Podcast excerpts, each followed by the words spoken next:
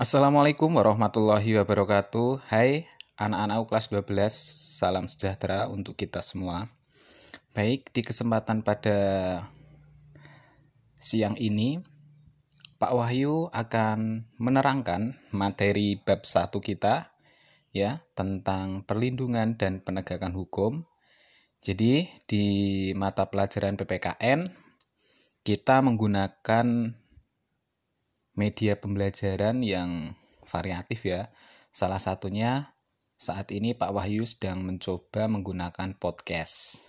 Baik, pasti podcast itu sudah tidak asing buat kalian ya, terutama yang paling terkenal podcastnya Deddy Kobuser atau misalkan podcastnya siapa lagi ya kalau Pak Wahyu sering dengerin podcastnya Pak Gita Wiryawan terus podcast podcastnya Umar Mita kajian-kajian itu biasanya mendengarkannya di podcast di Spotify.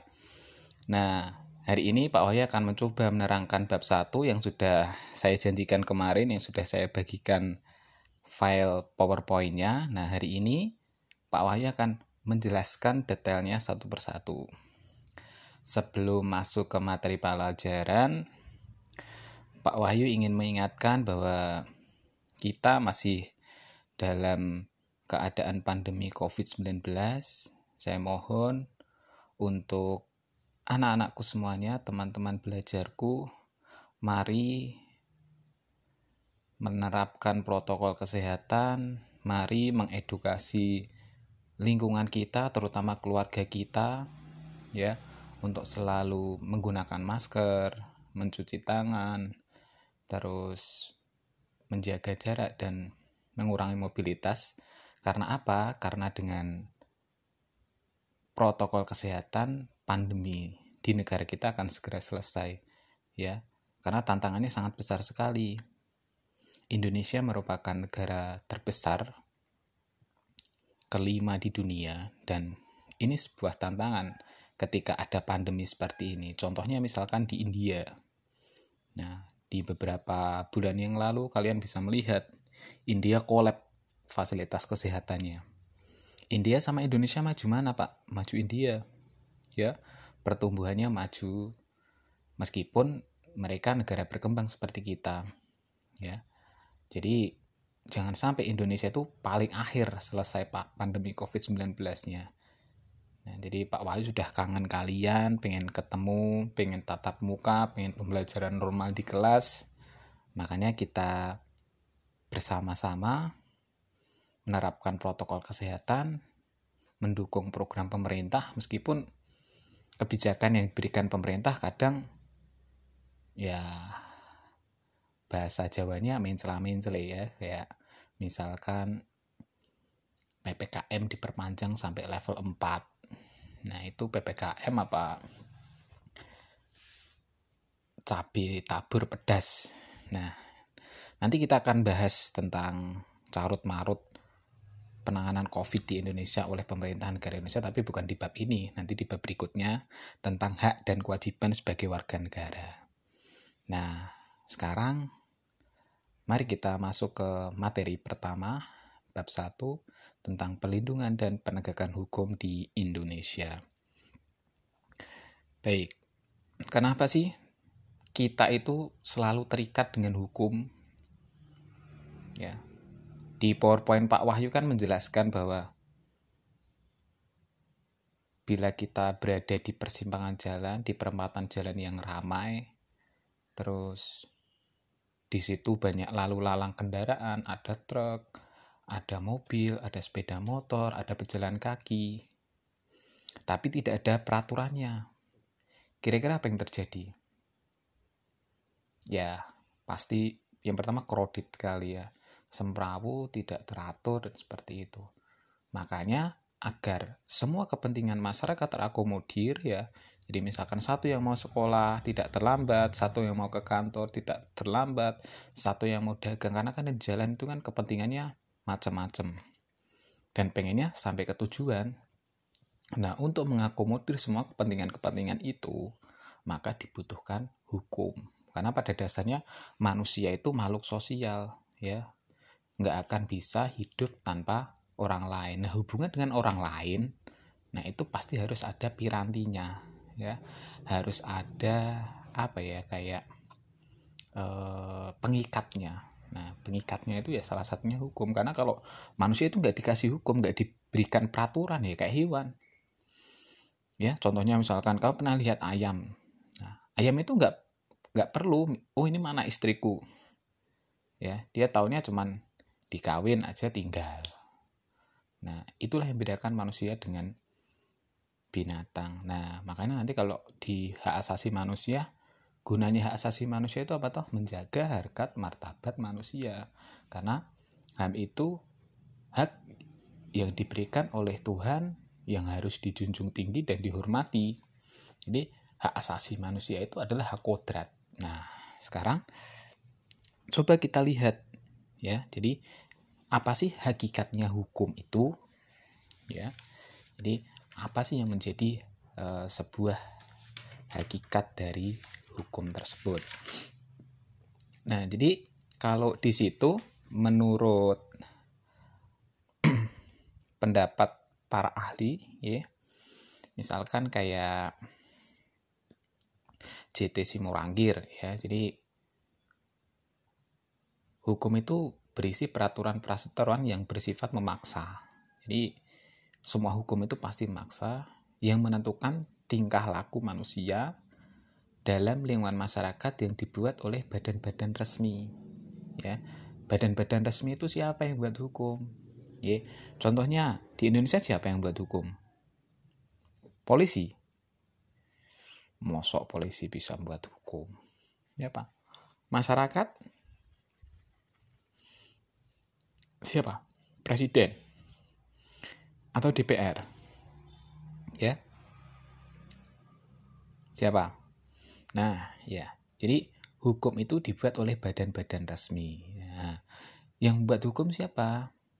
Dewan Perwakilan Rakyat bersama Presiden. Jadi DPR, Dewan Perwakilan Rakyat, itu mengambil aspirasi rakyat untuk membuat hukum. Jadi hukum itu sebenarnya tujuannya untuk apa? Untuk melindungi rakyat ya. Nah, di sini lanjut lagi peraturan-peraturan yang bersifat memaksa yang menentukan tingkah laku manusia dalam lingkungan masyarakat yang dibuat oleh badan-badan resmi yang berwajib dan pelanggaran terhadap peraturan-peraturan tadi diambil hukuman tertentu atau memiliki sanksi yang tegas. Nah, jadi seperti itu. Jadi hukum itu eh, unsurnya ya pasti satu mengatur tingkah laku manusia. Nah, binatang nggak bisa diatur, ya, ya karena dia nggak punya otak, ya nggak punya pikiran yang sempurna seperti manusia. Terus yang kedua apa? Peraturan itu dilegalkan atau disahkan oleh badan-badan resmi, ya, yang ditunjuk secara khusus untuk menangani hukum. Jadi Siapa sih yang membuat undang-undang? Yang membuat undang-undang itu DPR bersama presiden.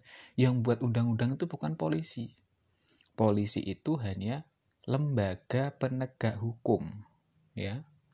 Jadi polisi itu hanya menjalankan produk hukum itu. Jadi polisi nggak bisa membuat peraturan. Yang bisa siapa? DPR sama presiden. Loh kenapa DPR pak? Ya DPR itu representasi dari kita, dari suara rakyat. Makanya ketika ada pemilu, ya kalian jangan asal milih jangan asal milih DPR jangan asal milih presiden karena itu menentukan kebijakan-kebijakan yang akan dia buat ya jadi misalkan nih kamu milih DPR yang menggunakan money politik ya atau menggunakan suap.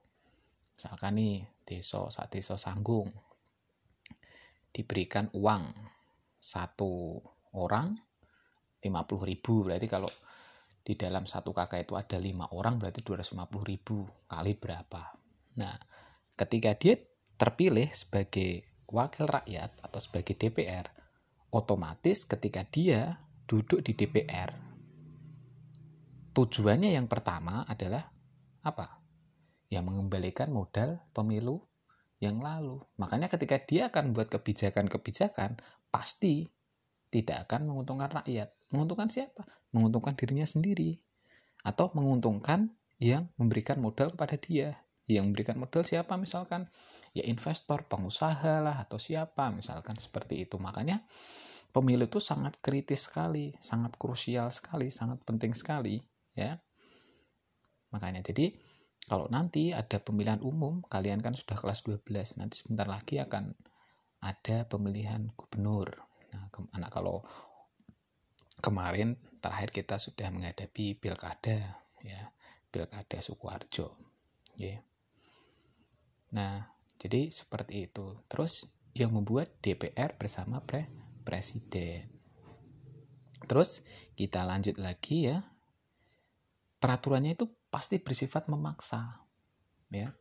Hukum itu harus memaksa, harus ditaati. Siapa yang tidak mentaati akan dapat sanksinya. Contohnya misalkan peraturan di kelas. Nah, kelas itu ya memaksa misalkan tidak piket. Ya, tidak piket, misalkan ada denda misalkan. Dan ini berapa 500 rupiah atau 1000 rupiah berkali kelipatannya Nah, itu harus harus dijalankan. Atau misalkan kamu pengen coba-coba misalkan. Ah, misalkan mau nonton ke Solo Square atau Solo Paragon. Coba ah, biar ditilang sama polisi ganteng, nggak usah pakai helm. Nah, atau misalkan lewat kantor polisi, ya udah lewat aja gitu. Pasti kalian akan ditilang karena polisi kewajibannya menegakkan hukum. Ya bukan membuat hukum loh ya. Yang membuat hukum tadi adalah DPR bersama presiden. Terus berikutnya cirinya ya ciri-ciri hukum itu pasti ada perintah dan larangan. Oke contohnya misalkan nih rakyat kita sebagai warga negara ada hukumannya ada perintah ada larangannya misalkan nih kalian punya sepeda motor. Perintahnya apa? Pemerintahnya membayar pajak. Ya, bayar pajak. Terus untuk apa? Pajak itu ya untuk pembangunan, untuk bangun jalan, bangun sekolah, gaji polisi, gaji presiden, gaji DPR, gaji dokter itu kan dari uang pajak. Nah, lanjut. Terus yang kedua, perintah dan larangan itu harus ditaati oleh setiap orang. Oke. Jadi cirinya ada perintah dan larangan. Yang kedua, perintah dan larangan itu harus dipatuhi oleh setiap orang. Nah, lanjut lagi, kita akan melihat Indonesia itu adalah negara hukum, ya. Jadi Indonesia itu adalah negara hukum. Mari kita lihat di PowerPoint di situ, okay. Jadi Indonesia itu jelas pada pasal 1 ayat 3 negara Indonesia adalah negara hukum. Jadi Indonesia itu adalah negara hukum. Bentuknya apa? Ya. Bentuknya apa? Bentuknya negara kesatuan ya. Bentuk pemerintahannya apa? Republik. Dan sistem pemerintahannya apa? Presiden. Sial. Ya sistem pemerintahan kita adalah presidensial. Jadi bentuk negara kita itu adalah negara kesatuan makanya NKRI ya bentuk pemerintahannya itu adalah republik, sistem pemerintahannya adalah re, uh, sorry sistem pemerintahannya adalah presiden sial. Nah, balik lagi di Indonesia sebagai negara hukum, ya jadi konsekuensinya apa kalau Indonesia itu dikatakan sebagai negara hukum? Ya pasti rule of law ya semua didasarkan pada hukum ya semua aturan didasarkan pada hukum. Tanpa terkecuali ya jadi misalkan di pasal 27 ayat 1 setiap warga negara ya kedudukannya sama di dalam hukum dan wajib menjunjung tinggi hukum tanpa terkecuali. Ya jadi misalkan nih Mas Kaisang anaknya Pak Jokowi ya tiba-tiba uh, waktu acara waktu COVID ya waktu ppkm hari kemarin misalkan membuat acara ulang tahun misalkan di hotel. Nah, ketika pemerintah sudah menginstruksikan tidak ada kegiatan ya atau pembatasan kegiatan kemudian anaknya presiden melakukan pesta di hotel merayakan ulang tahun ya wajib dihukum ya. Wajib ditindak ya tanpa pandang bulu. Loh itu kan anaknya presiden kan? Sudah jelas ya pasal 1 ayat 3 Indonesia adalah negara hukum. Semua sama di hadapan hukum. Semua harus patuh pada hukum. Entah anaknya Pak Jokowi entah anaknya Pak Slamet ya. Entah anaknya Pak Sopo gitu ya. Semuanya sama ya. Equality before the law ya. Persamaan kedudukan di dalam hukum. Nah kita lihat. Jadi tadi sudah dijelaskan bahwa Indonesia itu adalah negara hukum buktinya di pasal 1 ayat 3 ya itu diingat-ingat jadi pasal 1 ayat 3 dalam UUD NRI tahun 1945 itu sudah jelas bahwa Indonesia adalah negara hukum. Oke. Terus ciri-ciri Indonesia sebagai negara hukum yang pertama, hukumnya harus bersumber pada Pancasila. Oke. Maksudnya apa sih hukumnya itu harus bersumber pada Pancasila? Jadi sumber dari segala sumber hukum ya itu adalah Pancasila. Jadi contohnya gini, misalkan nih kita kan menjunjung tinggi HAM, hak asasi manusia. Ya. Nah, hak asasi manusia kita itu tidak boleh bertentangan dengan nilai-nilai Pancasila. Contohnya gini, misalkan HAM-nya di Amerika atau di Eropa itu beda sama hamnya di Indonesia ya. Maksudnya apa? Maksudnya kita itu punya hukum yang berlandaskan pada Pancasila yang negara lain itu enggak enggak punya nah karena ideologi kita Pancasila makanya hukum kita mengacunya kiblatnya sumbernya harus dari Pancasila. Makanya di Indonesia itu enggak boleh ada LGBT ya. Nggak boleh uh, adanya misalkan ateis ya. Saya ateis pak. Saya nggak percaya dengan adanya Tuhan ngomong gue gue males sholat terus ora percaya Gusti Allah gue males ning gereja terus ora percaya Gusti Allah misalkan ya makanya di kolom KTP kalian nggak ada kan agama ditulis ateis gitu ya makanya hukum kita itu harus bersendikan pada Pancasila. Ya. Jadi kita memaknai hak asasi manusia ya nggak boleh liberal. Okay? Misalkan kita boleh free sex karena kita sudah umur 18 tahun, kita sudah bisa menentukan uh, apa yang boleh dan tidak boleh misalkan. Nah, ya itu kalau di Barat ya karena menjunjung tinggi kebebasan individu ya boleh-boleh saja asal mereka bertanggung jawab Nah, di Indonesia nggak boleh karena kita masih berpatokan pada ideologi Pancasila, di mana nilai-nilai ideologi Pancasila itu ya sangat berkaitan dengan uh, nilai norma kesopanan, kesusilaan, ya, terus nilai-nilai religius dalam sebuah agama, ya, seperti itu. Yang kedua, berkedaulatan rakyat, ya ciri Indonesia sebagai negara hukum itu yang kedua berkedaulatan rakyat. Maksudnya berkedaulatan rakyat itu apa toh? Ya, daulat, berdaulat. Ya, jadi kekuasaan berada di tangan rakyat. Hukum itu tujuannya apa? Tujuannya untuk rakyat. Ya, untuk membuat adil, untuk membuat ketertiban, untuk membuat kenyamanan, ya.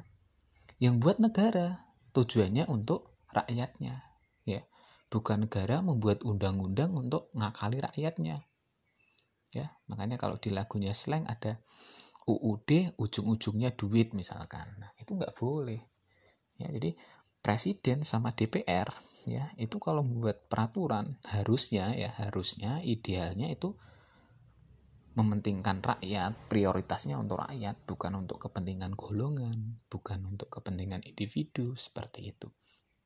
Kemudian yang ketiga pemerintahan berdasarkan atas sistem konstitusi. Jadi dalam menyelenggarakan pemerintahan negara kita itu atas sistem konstitusi. Konstitusi itu artinya undang-undang. Jadi pemerintah dalam menjalankan pemerintahannya itu harus sesuai dengan undang-undang reso sak dewe. Wah, aku pengen jadi presiden seumur hidup, ya nggak boleh, ya. Karena udah ada undang-undangnya, ketentuannya. Hanya boleh menjabat dua kali periode, ya maksimal dua kali periode. Loh, tapi kan rakyat masih mau, masih menginginkan saya, ya nggak boleh karena undang-undangnya sudah seperti itu. Kita harus taat pada undang-undang ya. Terus misalkan nih kepala desamu disukai sama rakyat karena kinerjanya bagus. Tapi kan masa jabatan kepala desa hanya 6 tahun dua kali periode. Berarti 12 tahun. Kalau sudah 12 tahun nggak bisa dipilih lagi. Nah seperti itu. Terus kemudian yang keempat equality before the law ya. Persamaan kedudukan di dalam hukum atau di hadapan hukum. Jadi seperti yang sudah saya ceritakan tadi, misalkan Mas Kaisang pada waktu PPKM ngadain pesta ulang tahun pacarnya di hotel misalkan rame-rame buat kerumunan ya harus ditindak sama Satgas Covid.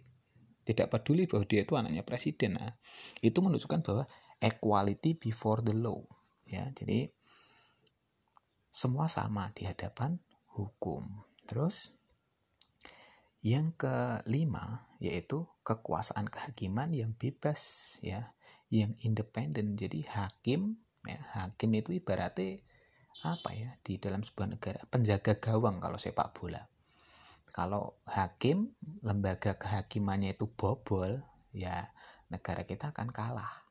Nah, jadi yang paling tonggak terpentingnya dalam sebuah negara bukan terpenting ya, maksudnya pintu terakhirnya negara itu adalah hakim. Kalau hakimnya adil dalam memutuskan perkara, ya tegas dalam uh, penegakan hukum, otomatis korupsi di negara kita ya tidak gila-gilaan seperti ini ya. Kita kan ngeri ini.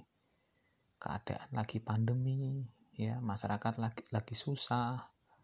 Eh, Menteri Sosialnya Pak Juliani Batubara ya dari partai PDI ya partai PDI Perjuangan korupsi bansos.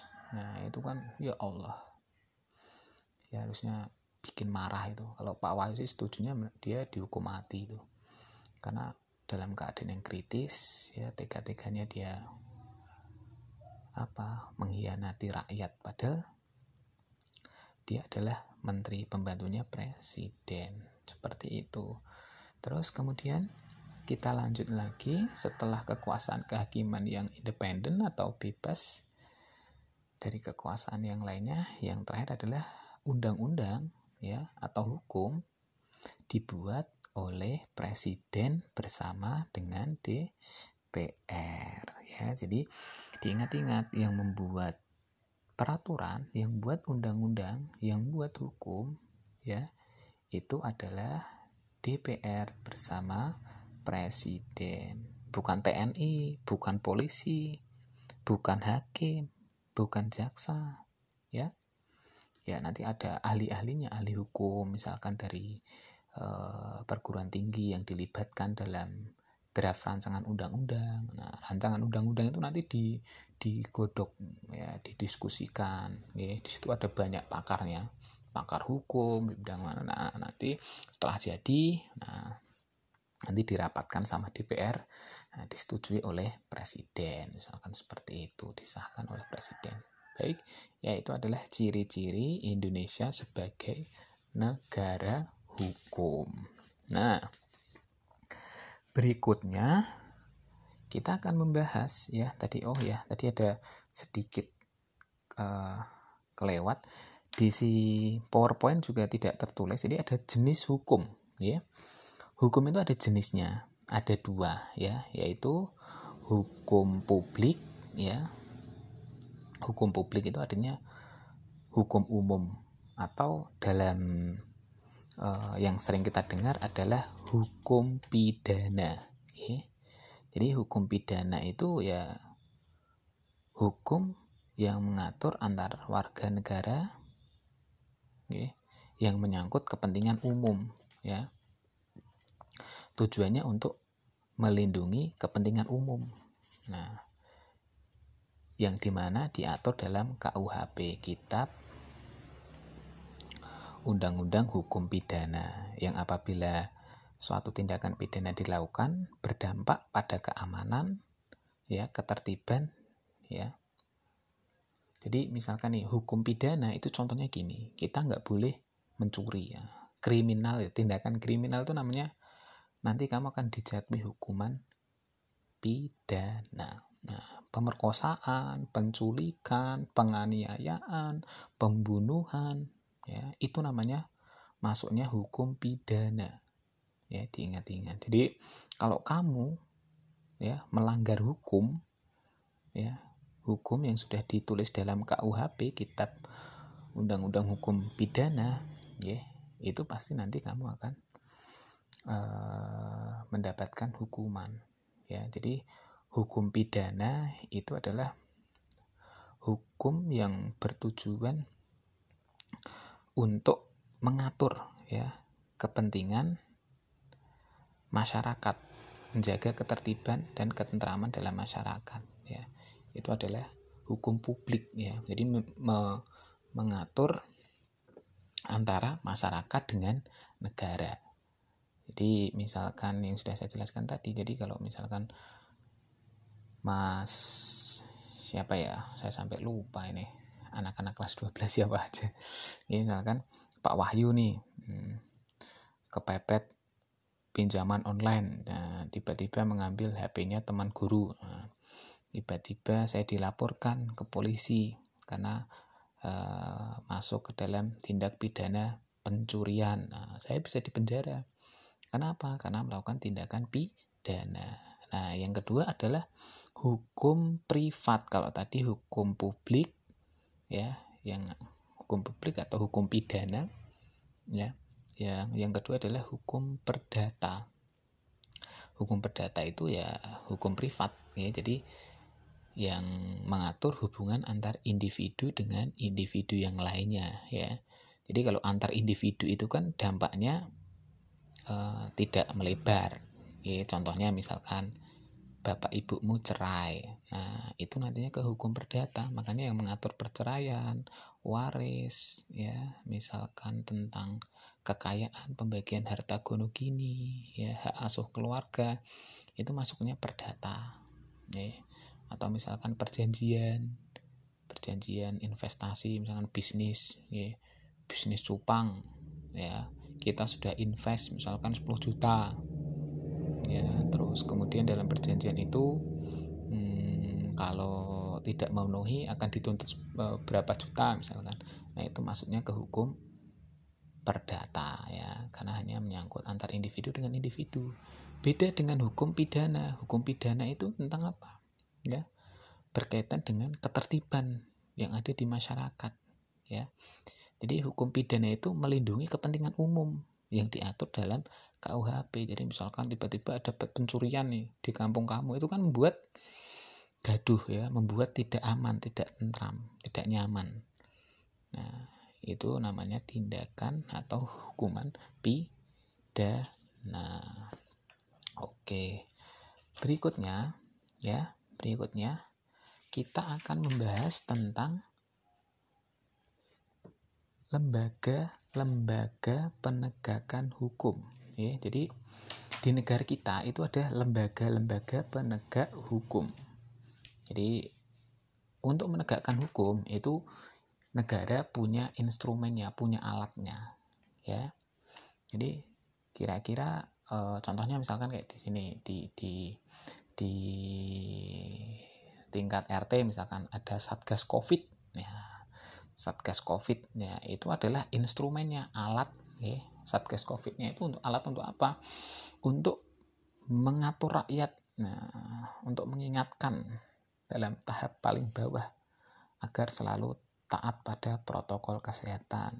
Nah, di negara kita ya ada lembaga-lembaga penegak hukum ya yang nanti tujuannya apa? Ya tujuannya agar menjamin keadilan dan kedamaian. Yang pertama siapa? Ya benar sekali. Pasti yang pertama adalah Polri. Ya Polisi Republik Indonesia. Ya jadi peran kepolisian negara Republik Indonesia itu sudah jelas fungsinya pada uh, pasal 2 ya jadi fungsi polisi adalah pemeliharaan keamanan ya keamanan dan ketertiban masyarakat terus kemudian penegakan hukum perlindungan kepada masyarakat pengayoman dan pelayanan kepada masyarakat. Nah kira-kira kamu ada pengalaman manis atau pengalaman pahit dengan Pak polisi ya, terutama polisi lalu lintas misalkan, apakah sudah mencerminkan uh, memelihara keamanan, menegakkan ketertiban dalam masyarakat, menegakkan hukum, atau melakukan perlindungan, pengayoman, atau melakukan pelayanan kepada masyarakat, atau jangan-jangan malah meden-medeni, ngaget-ngageti, golek-goleki kesalahan rakyat, misalkan. Ya, nah, jangan sampai ya kita ketemu dengan polisi-polisi seperti itu ya. Atau sini di sini ada yang cita-citanya pengen punya suami polisi ya. Ya hati-hati kalau mau pilih suami polisi yang benar-benar amanah ya. Karena ya kita lihat di sendiri di masyarakat bahwa citra polisi itu sangat apa ya ya kurang kurang baik. Ya meskipun polisi yang baik banyak ya tapi ada beberapa oknum-oknum polisi yang ya membuat institusi kepolisian Republik Indonesia itu apa kayak tidak dipercaya masyarakat. Itu dari tingkat level bawah sampai atas ada ya. Bahkan kalau di level atas musuhnya KPK itu ya salah satunya adalah polisi itu sendiri ya. Jadi yang menghalang-halangi penegakan hukum kita itu adalah polisi itu sendiri Kok bisa seperti itu, Pak? Iya, karena kewenangan polisi itu di bawah kewenangannya presiden ya. Polisi sama TNI itu kan tangan kanannya presiden. Kalau yang mau ditangkap temannya presiden, yang mau dijadikan tersangka korupsi, otomatis ya tangan kanannya presiden siapa? Ya akan menghalangi ya. Karena pasti dia akan membela siapa presidennya. Makanya nanti kita akan bahas lembaga independen itu hanya KPK. Nah, polisi itu harusnya lembaga independen, tapi tidak. Polisi itu adalah lembaga negara yang kewenangannya di bawah presiden langsung, ya bersama TNI, Tentara Nasional Republik Indonesia. Jadi saya ulangi lagi ya, tugasnya Pak Polisi ya, tugasnya negara eh, tugasnya Polri yaitu yang pertama menjaga keamanan dan ketertiban masyarakat atau Kamtipmas ya. Makanya ada yang keliling satgas covid pasti ada polisi TNI misalnya sama petugas dari puskesmas misalkan ada dari RW RT seperti itu.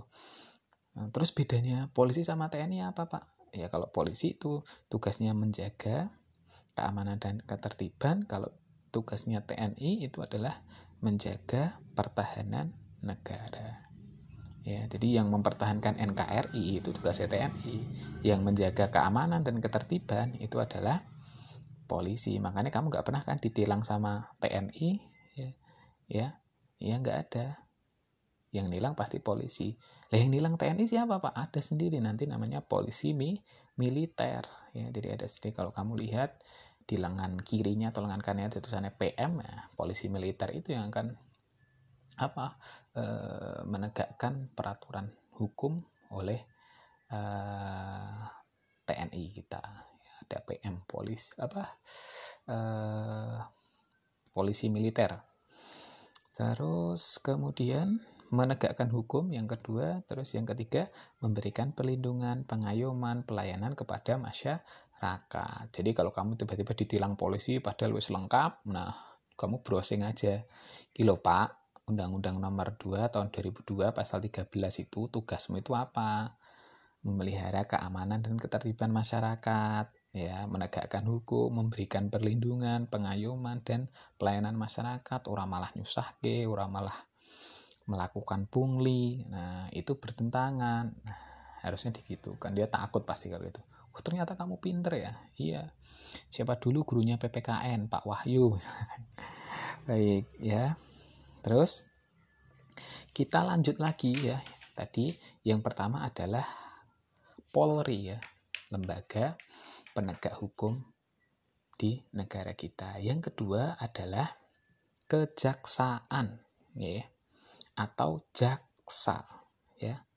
Udah pernah lihat jaksa? Udah pernah lihat seragamnya jaksa? Hmm? Udah pernah belum? Makanya kamu kalau lihat di Klaten, di Sukoharjo, di Boyolali itu kejaksaan negeri ya, tempatnya di situ. Ya, tempatnya para jaksa. Nah, kira-kira tugasnya jaksa itu apa toh? Ya, tugasnya jaksa itu adalah e, melakukan penuntutan, ya. Ya, jadi kewenangannya itu adalah sebagai penuntut umum, ya, dalam pelaksanaan putusan pengadilan. Ya, jadi yang melakukan penuntutan di pengadilan itu adalah jaksa.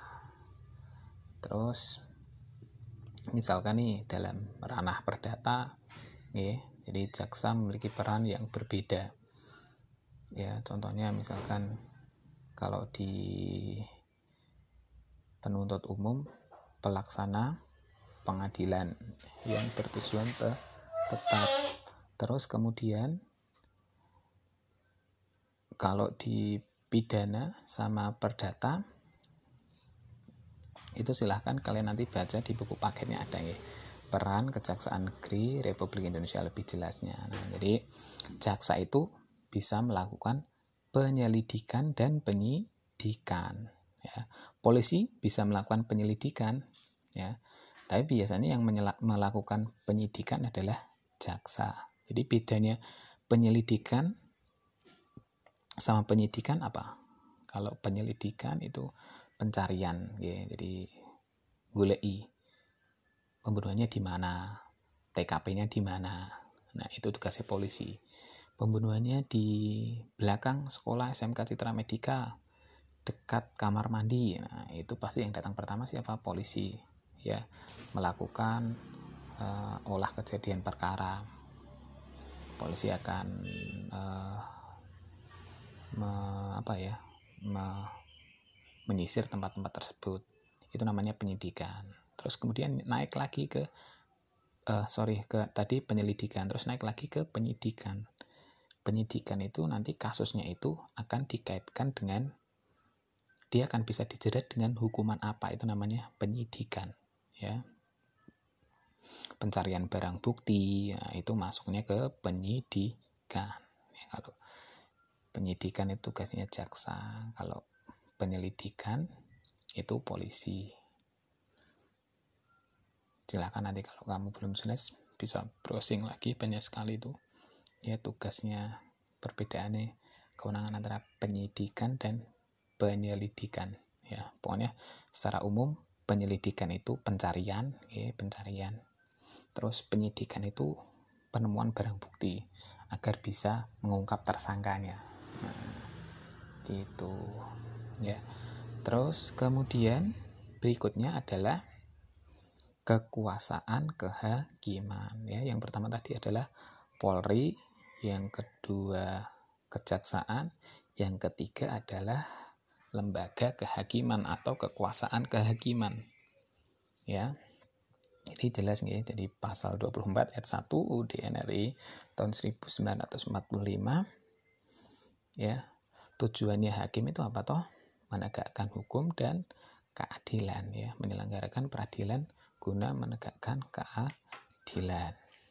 Nah, terus hakim ya, jadi jenis hakim itu ada tiga di di powerpointnya Pak Wahyu belum saya jelaskan kalian bisa lihat di buku paket halaman 54 ya.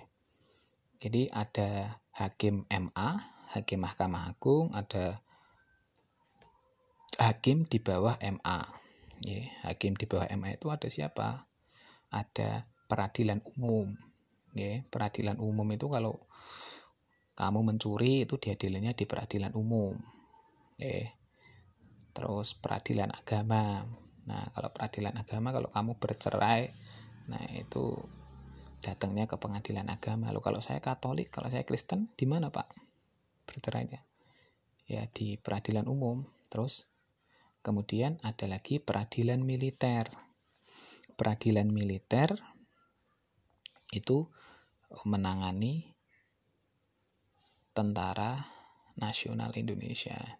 Jadi TNI TNI itu yang melakukan tindakan pidana ya. Nanti diadilinya di peradilan militer. Dia nggak masuk ke peradilan umum ya. Karena dia ada peradilan khusus namanya peradilan militer. Yang terakhir adalah PTUN atau peradilan tata usaha negara. Jadi misalkan nih kamu mau menggugat Pak Bupati Sukoharjo nah itu nanti mengadilinya di mana? Di PTUN ya peradilan tata usaha negara jadi rakyat boleh menggugat pemerintah boleh lewatnya mana peradilan tata usaha negara. Seperti itu. Jadi itu tadi yang pertama hakim di bawah MA ya. Hakim MA itu adalah hakim-hakim senior. Oke, yang putusannya pada tingkat kasasi. Nah, berikutnya di bawahnya ada hakim yang berada di bawah MA. Tadi ada peradilan umum, hakim peradilan umum, ada hakim peradilan agama, hakim peradilan militer, dan peradilan tata usaha negara. Terus kemudian yang ketiga adalah hakim MK, ya hakim MK, Mahkamah Konstitusi. Jadi hakim MK itu yang menangani sengketa pemilu, terus uji material undang-undang. Jadi undang-undang sebelum disahkan itu dicek dulu sama MK undang-undang ini bermasalah enggak? Undang-undang ini bertentangan dengan uh, apa? Undang-undang dasar enggak? Bertentangan dengan Pancasila enggak? Nah, itu nanti dicek dulu sama MK, Mahkamah Konstitusi, ya. Atau membubarkan partai politik itu ya kewenangannya MK. Sengketa pemilu kemarin tahun 2019 pas Pak Jokowi sama Pak Prabowo itu di live di TV. Nah, itu sidang MK itu. Ya, Pak Prabowo menggugat terkait bukti-bukti kecurangan pemilu dan akhirnya ternyata tidak terbukti dan terpilihlah presiden yang sah 2019 sampai 2024 adalah Pak Jokowi. Itu adalah lembaga kehakiman. Terus yang keempat adalah advokat, ya, advokat atau pengacara, ya. Jadi advokat itu orang yang berprofesi memberi jasa hukum ya. Baik di dalam pengadilan maupun yang memenuhi syarat ya undang-undang. Ya kalau kamu lihat advokat kayak misalkan Hutman Paris nah itu advokat advokat yang terkenal. Kalau kamu lihat lagi misalkan yang sudah meninggal Pak Adnan Buyung Nasution yang nah seperti itu. Advokat itu pengacara. Jadi nggak semua pengacara itu membela klien yang salah. Banyak juga pengacara-pengacara yang membela misalkan orang-orang yang dikriminalisasi. Nah, misalkan seperti itu. Jadi nggak salah misalkan ojo kuliah hukum. Oh, nek kamu jadi pengacara cuman beloni wong-wong sing duit-duit tidak. Misalkan seperti itu. Jadi kalau kamu punya ketertarikan tentang dunia hukum, misalnya cita-citanya pengen jadi pengacara, ya bagus itu. Jadi misalkan nanti ada LBH lembaga bantuan hukum ada kontras ya. Kontras itu adalah komisi anti kekerasan dan orang hilang. Hmm, jadi seperti itu. Jadi advokat itu adalah orang yang berprofesi memberikan jasa hukum ya. Terus kemudian tugasnya apa? Memberikan pelayanan kepada klien. Klien itu siapa ya? Orang yang memilih dia sebagai advokat. Misalkan saya, saya misalkan dituntut hukuman di atas lima tahun. Nah, di atas lima tahun itu boleh diberikan bantuan hukum ya. Boleh didampingi oleh pengacara. ya tujuannya untuk apa tujuannya untuk pembelaan pemberian nasihat-nasihat baik terus kemudian yang kelima ya. Yang kelima adalah peran komisi pemberantasan korupsi ya. Ini yang terakhir jadi lembaga penegak hukum di Indonesia. Yang terakhir adalah KPK ya. Komisi Pemberantasan Korupsi. Ya tujuannya udah pasti jelas tahu ya KPK itu diberi amanat untuk melakukan pemberantasan korupsi secara profesional. Ya profesional itu artinya tidak pandang bulu. Ya, siapa pun yang korupsi harus ditindak. Ya. terus kemudian di sini misalkan nih terus uh, tugasnya apa saja? Ya melakukan pemberantasan korupsi, terus uh, berkoordinasi ya atau dengan instansi yang berwenang untuk melakukan pemberantasan korupsi, melakukan penyelidikan, penyidikan, dan penuntutan terhadap tindak pidana korupsi. Jadi yang boleh melakukan penyelidikan, penyidikan, dan penuntutan itu selain polisi, jaksa adalah KPK ya. KPK itu boleh melakukan penyelidikan, penyidikan dan penuntutan terhadap tindak pidana korupsi.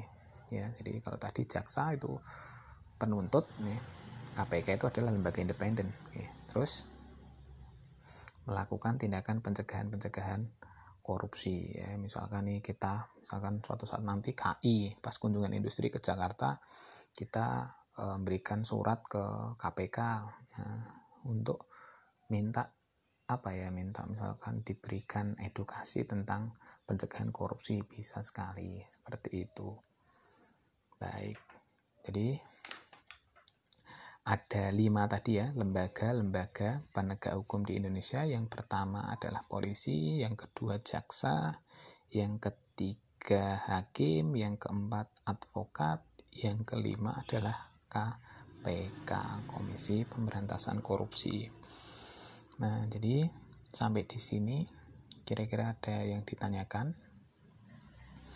Jadi Indonesia itu melakukan perlindungan dan penegakan hukum. Ya. Itu sudah amanat dari undang-undang bahwa Indonesia itu adalah negara hukum pasal 1 ayat 3. Nah, dari sini kira-kira ada yang ditanyakan nanti boleh langsung bertanya di Microsoft Team atau langsung menghubungi saya via WhatsApp ya. Jadi saya cukupkan sekian penjelasan materi bab 1 ya tentang perlindungan dan penegakan hukum di Indonesia. Jadi apabila ada materi yang dirasa belum jelas, silahkan menghubungi saya. Pasti akan saya terima dengan senang hati ya. Terima kasih ya. Tetap jalankan protokol kesehatan tetap jaga kesehatan dengan berolahraga terus jangan lupa selama kalian di rumah selalu membantu meringankan pekerjaan orang tua ya. Karena kalian sudah hampir satu setengah tahun di rumah ya di rumah bukan hanya makan menghabiskan kuota tapi banyak-banyaklah berbakti kepada orang tua kalian apalagi yang orang tuanya sedikit terdampak dengan adanya pandemi ini kalian harus lebih peduli harus lebih apa ya berempati kepada orang tua kalian. Jangan malah kesempatan PJJ malah pergi banyak mainnya. Ya, karena ini masih pandemi harus banyak prihatin. Ya terima kasih. Saya cukupkan sekian selamat siang. Wassalamualaikum warahmatullahi wabarakatuh